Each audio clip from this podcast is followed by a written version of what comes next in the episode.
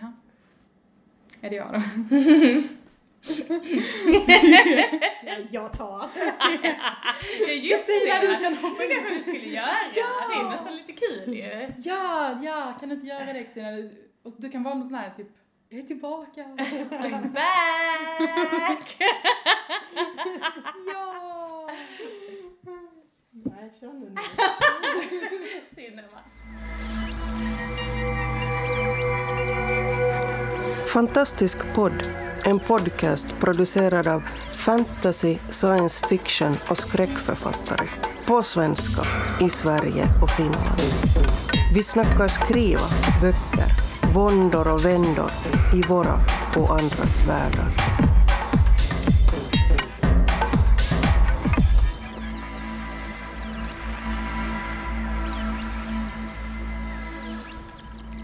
Hej och välkomna till Fantastisk podd. Idag är det Skånegruppen som pratar och jag heter Emma Andersson och med mig har jag Charlotte Cederlund. och idag har vi en alldeles exceptionellt speciell gäst för vi har en liten comeback i podden. Vi har Kristina Hård här. Woohoo! Hejsan och tack för att jag får vara med. Vad kul att du är tillbaka, eller vad man ska säga. Nej men visst är det. Visst är det. Det är jättekul. Jätteroligt, Ja. Du är ju liksom eh, en av grundarna till Fantastisk podd kan man ju säga. Jag var med från början. Du var med ja. från början ja. Så det känns ju lyxigt att ha dig här. Verkligen.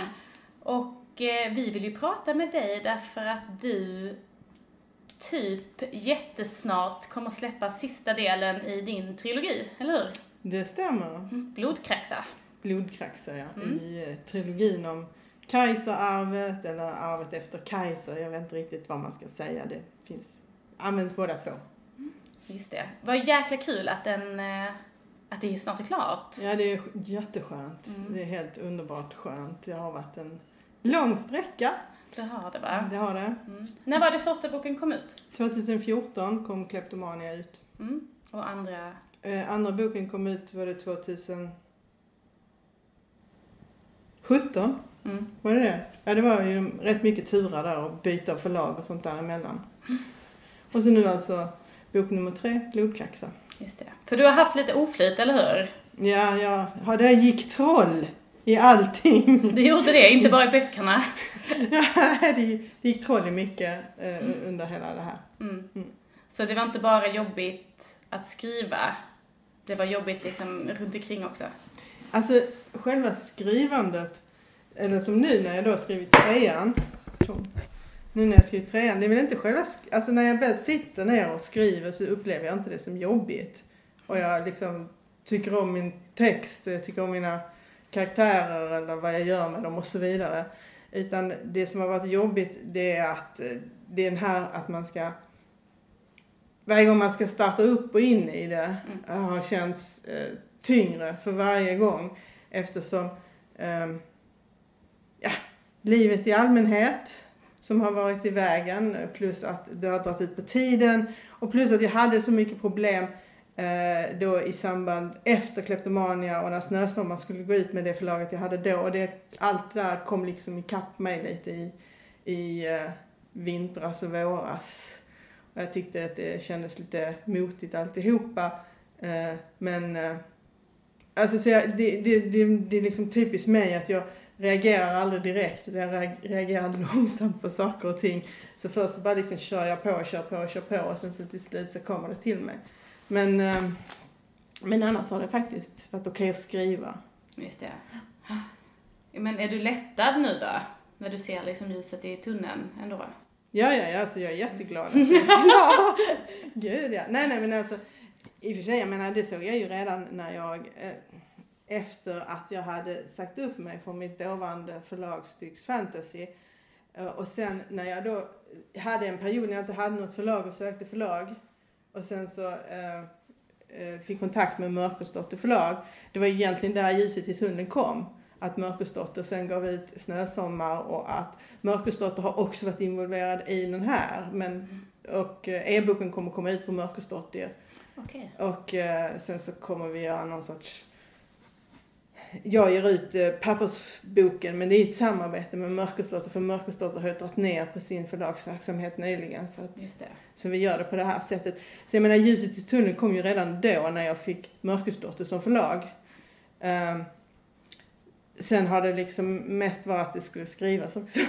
Just det. Ja, Jag får få bena upp det här lite för, för läsarna. Du har ju, man kan ju nästan säga att det har varit tre olika förlag till de olika böckerna blir det ju då. För du började på Styx. jag började på med- Styx Ja, Fantasy. precis. Och sen var det Mörkersdotter på den andra. På Snösommar. Ja. Och nu blir det här någon slags hybrid av e- eget med lite samarbete av... Med Mörkersdotter Ja, ja. ja. ja, precis. Så det kan man ju säga. Men det är ju Mm. På samma, gång är det ju samma anda och Mm. eh, omslagen följer och, och så vidare. Så att egentligen Ja, är det de ju är bara en väldigt fortsättning. snygga. Kan, man får jättegärna googla dem. De är sjukt snygga omslagen. Väldigt snygga. Jag Mm. tänker att vi kanske lägger upp dem på, Ja. på hemsidan. Så Mm. kommer ni kunna se dem där. Absolut. Ja, så att det, det, det är väl... eh, Nej men det, det är skönt att det, det, det är över med skrivandet, det är det faktiskt. Men tyckte du, jag har ju också skrivit en trilogi och eh, jag håller med dig. Det blir liksom, eh, jag hade ju inte ens strul med förlag. Eh, men det blir ändå liksom jobbigare och jobbigare varje gång man ska starta igång processen. Och det blir fler och fler trådar som man liksom lite så här ska famla ihop på något snyggt sätt. Tyckte du att det var, var det liksom kämpigt att få ihop det, att knyta ihop det faktiskt på slutet?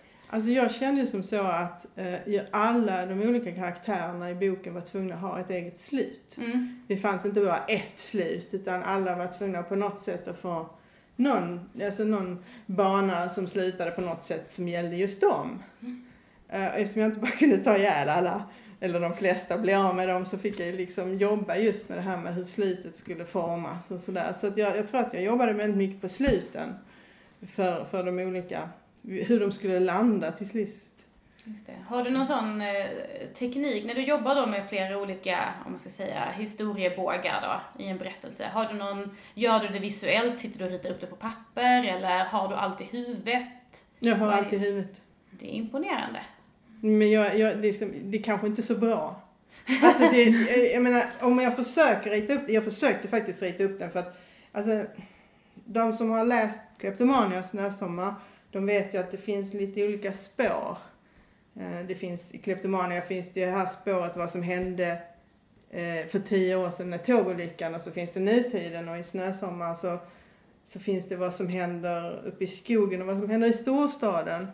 Och nu i den här tredje så var det också viktigt att jag kunde sammanföra alla spåren. Så att det inte liksom blir parallella berättelser utan alla sammanförs och så. Och så, och så försökte jag rita upp det här och få det att stämma men jag, det, det var jättesvårt. men det hade säkert varit bra om jag kunde. Men jag är ju sån som gör när jag går på föreläsningar, jag tar inte anteckningar. Jag tar aldrig anteckningar, det är ju jättepinsamt. Ibland så ibland låtsas jag.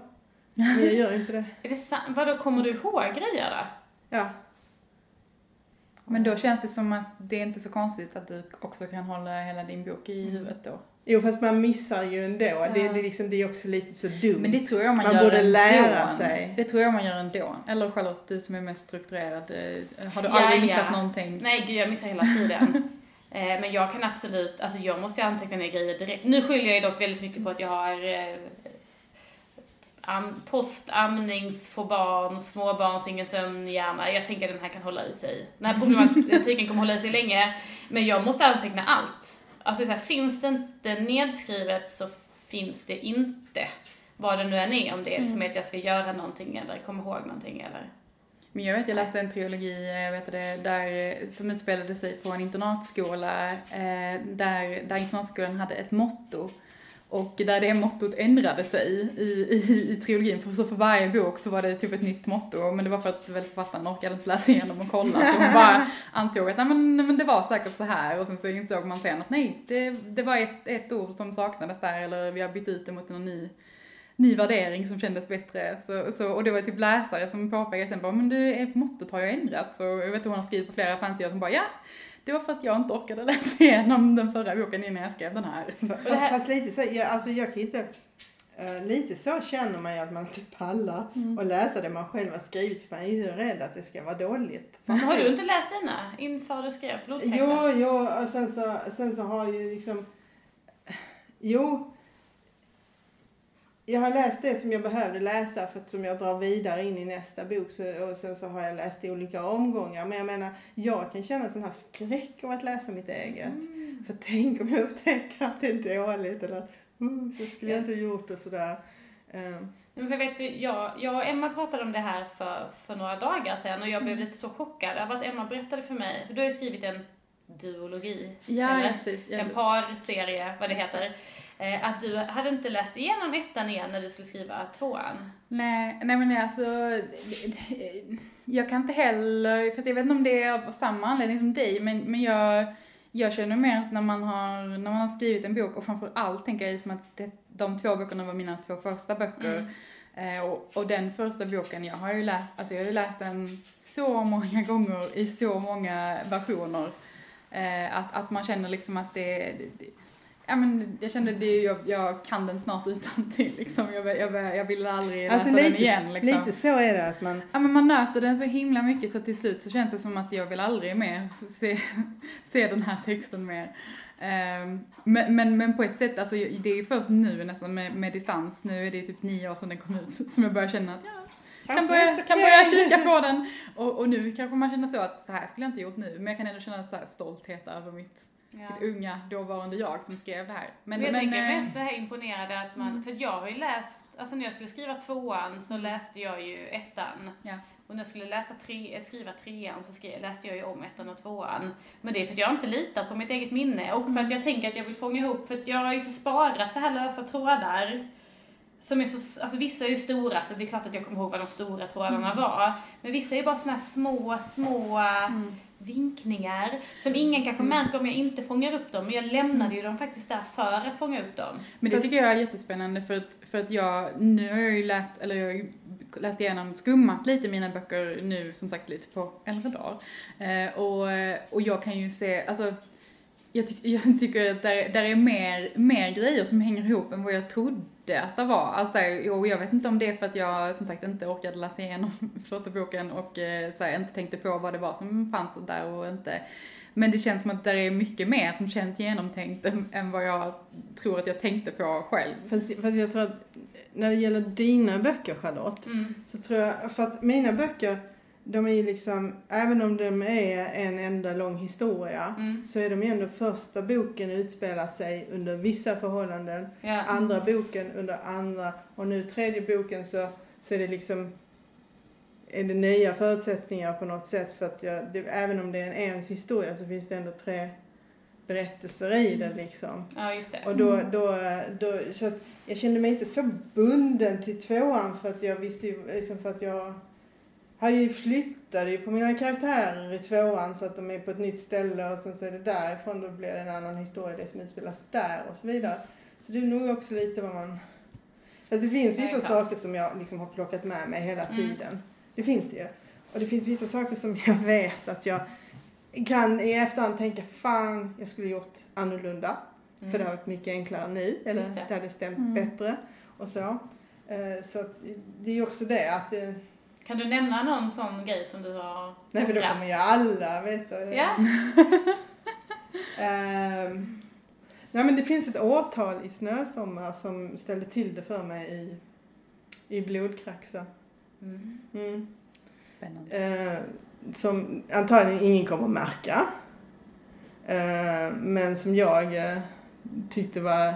Alltså jag trodde det var... Jag trodde jag hade sn- snöat in mig mycket mer i Snösommar så att när jag sen skulle lösa upp det men så, så upptäckte jag att det handlar egentligen bara om ett årtal.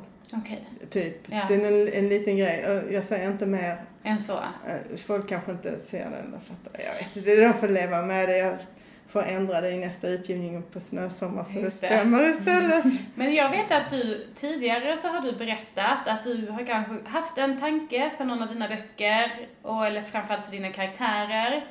Och sen så bara råkade du döda någon.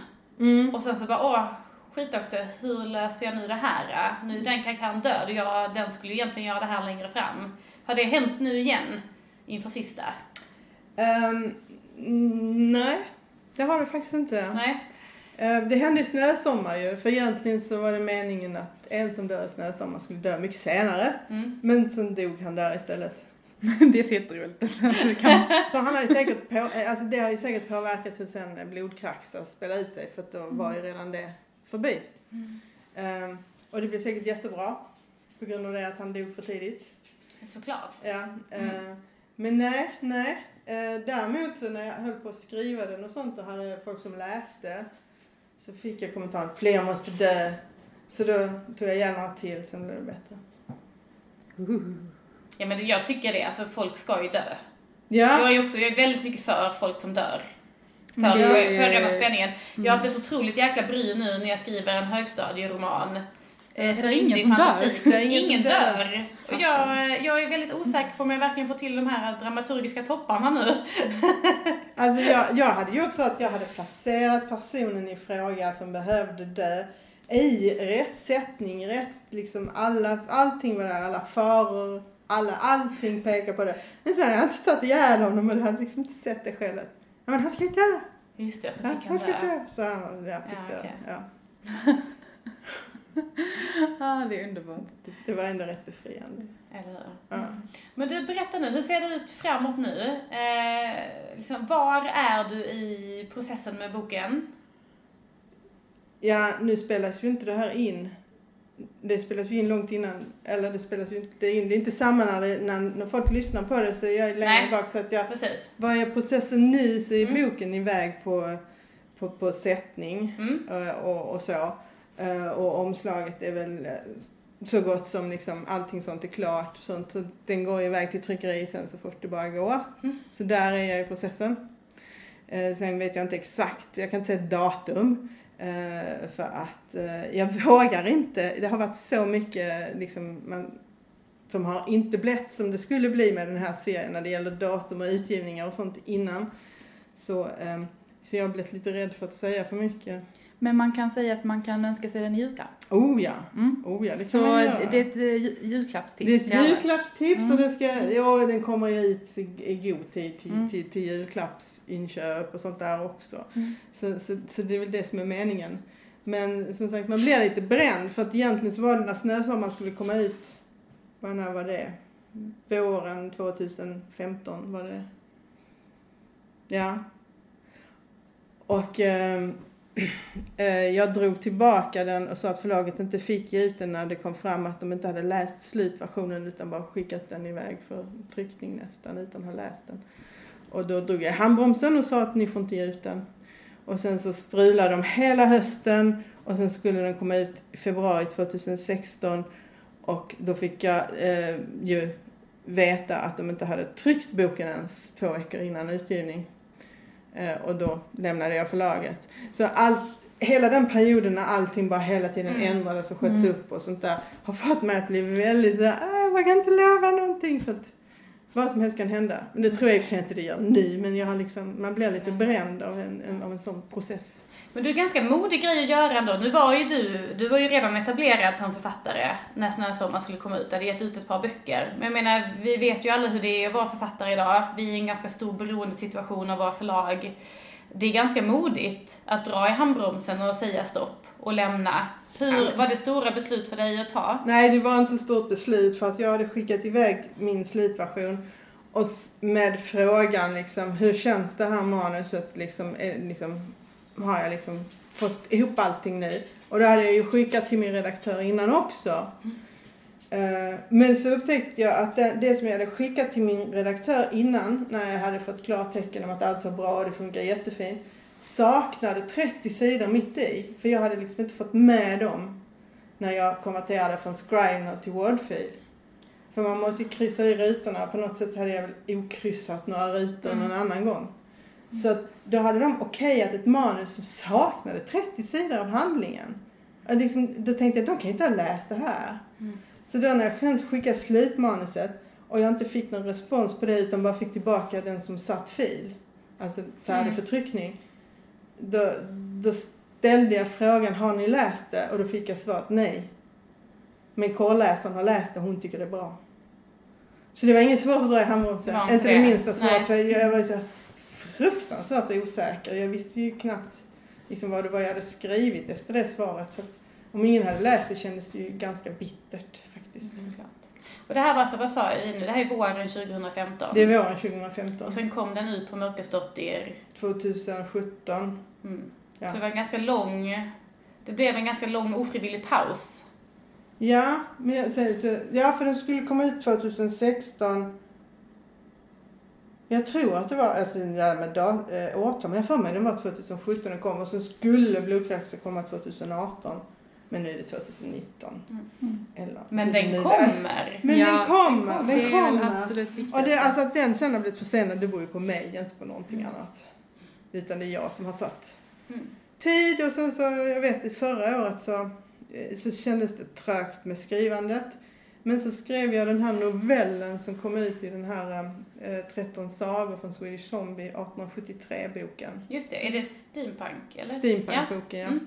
Så då skrev jag den novellen och då kändes det att det var kul att skriva igen. Så att sen, Då gav, Kunde jag kunde ta itu med det andra. på lite. Ja. ja.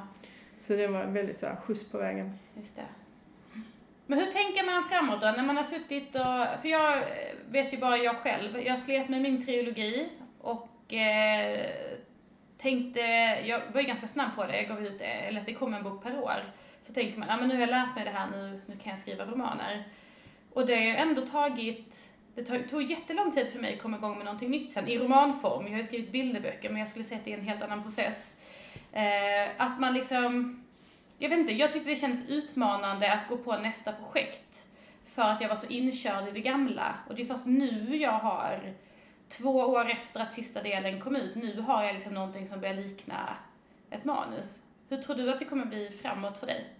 Alltså jag har ju sagt, och det vet ju ni om, jag har ju sagt att när jag har varit klar nu med blodkräksar så ska jag ta sex månader skrivfritt. Mm. Eh, och det håller jag väl på. Så att jag tänker inte försöka skriva någonting Nej. under ett antal månader nu framåt och det känns rätt skönt. Men jag vet ju vad jag ska skriva sen. Och jag har ju vetat det i flera år. Jag har ju bara gått och väntat på att jag skulle bli klar med den här. Så att jag har ju redan nästa projekt utstakat. Just det. Och det blir inte en trilogi. Blir, nej, jag skulle fråga det. Tror du att du kommer skriva en serie igen? Nej, aldrig. Det var klart och tydligt. Nej, jag tror inte det. Möjligtvis om man skriver den och har den klar innan man ger ut. Alltså så den redan Ah, okej. finns. Mm. För att jag tror att man är sårbar när man ger sig på att skriva en trilogi. Mm. Alltså jag var ju det för mitt förlag gick under. De gick ju äh, i konkurs Mm, strax efter att jag hade lämnat dem. mm, Eh, och att, att man blir sårbar. Mm. Och det är svårt att komma med pågående trilogi eller pågående projekt till ett nytt förlag. För att då känner de att då har man redan kramat ur en stor del i första utgivningen på det första förlaget och så vidare. Så det finns inte ekonom, liksom, de tycker inte det är ekonomiskt försvarbart att satsa på det igen på det sättet. Eh, Så att eh, jag tror man, alltså bara av den orsaken att man blir sårbar ja. när man skriver en trilogi. Ja, vi kan ju säga till, till er som funderar på att skriva en trilogi där ute att vi vill ju inte att ni inte ska göra det. Men det är, det är tufft eh, att Ja. göra det av många olika anledningar. Eh, och dels också kanske för att förlag, förlag är väldigt försiktiga med att satsa på någonting som de vet eh, kommer att, kommer att fortsätta överhuvudtaget. Och jag tänker att kommer man då som du också som hade påbörjat en trilogi på ett annat förlag och ville fortsätta så är det ju ännu, ännu svårare. Så att Ja. att du, att du har lyckats och ro i hamn är ju samtidigt en ännu större bedrift ur, den, ur det hänseendet också. Eller bara dum envishet kan det ju vara. Men det vet ju du också, man skriver första boken och sen så skriver man andra boken och så tappar man läsare på vägen. ja. Och sen tredje boken så tappar man några till. Alltså det finns den risken också när man skriver en trilogi. Ja, och det kände jag väl jättemycket att det var, det var någonting som jag inte hade fattat. Jag trodde att det här med att skriva serier bara var positivt. Och det är klart att för att komma in som en helt ny författare som jag gjorde, det är klart att det var positivt därför att jag, jag kirrade liksom tre böcker i en. Och när man har gett ut tre böcker då är man etablerad. Så det var ju jättebra för mitt författarskap. Men ur försäljningssynpunkt har det ju verkligen varit, det är liksom en, en, en, en sluttande backe neråt. Där den första sålde bra, den andra okej och den tredje under förväntan. Och det är jättetråkigt därför att jag har jobbat precis lika mycket med alla böckerna och den tredje boken var fasen den jobbigaste. Mm. Då det är ju såklart tråkigt att se att det inte väger upp sig i försäljning. Så det gör ju att jag känner att serier kanske är någonting jag passar mig lite för ett tag. Alltså det är det att om man hade, om man hade skrivit klart alla tre böcker på en gång då hade man kunnat lägga upp utgivningen mycket smartare och då hade man säkert undvikit det här liksom, ekonomiska fallet för då hade du kunnat haft kortare tid med Mm. böckerna, liksom ha kvar de läsare man först skapar och så vidare. Men det är också det där att man skriver ger ut och så ska man skriva nästa. Mm. Alltså det är den där ställtiden som blir emellan som jag tror är, är orsakar den biten. Sen ska man ju säga, man ska inte glömma, det finns ju andra fördelar också. Och fördelen med att skriva en serie, det är ju att nu kommer din, nu kommer din sista bok ut nu, det är 2019. Eh, och det betyder att din serie fortfarande lever. Alltså hade du bara skrivit den allra första boken och den hade kommit ut för fem år sedan så hade nog ingen kommit ihåg den längre. Och så tänker jag att det är lite med min serie med, att jag får ju fortfarande åka ut till skolor och prata om mina böcker. Och frågan är om jag hade fått göra det om jag skrev en bok som kom 2016. Nej, och jag har också tänkt på det att i och med att jag bytte till Mörkersdotter så blev det lite som en nystart för, för de två böckerna. Som, för de, Ja, gav för ju, ni- de gav ju även ut Kleptomania igen. Ja, med nytt omslag. Ja, Så Mm. blev det ju en nystart. Och, och, och, eh, så, så att ja, det finns ju det att man får, man får en omstart och man, man, varje tillfälle kan man ju liksom pusha. Mm. Eh, Så det är sant. Så det är, inte bara, det, är inte, det är inte bara dåligt på något sätt. Nej, nej. Men det nej. är liksom, det är tungt. Nej. eh, eh, Vill så- mer det. Med, med, och, och att man är sårbar. Mm. För att visst, om man har ett stort förlag så går de ju inte i konkurs kanske. Men nu var ju Styx... eh, De var inte jättesmå. Nej, för det var ju Kabusa böcker. Det var ju ändå ett, ett ganska stort förlag och de, de klarar ju ändå inte ut det. Så att det gick ju Nej. som det gick. Eh, och det var ju tråkigt. För det försvann ju den utgivningskanalen för fantastikböcker i Sverige.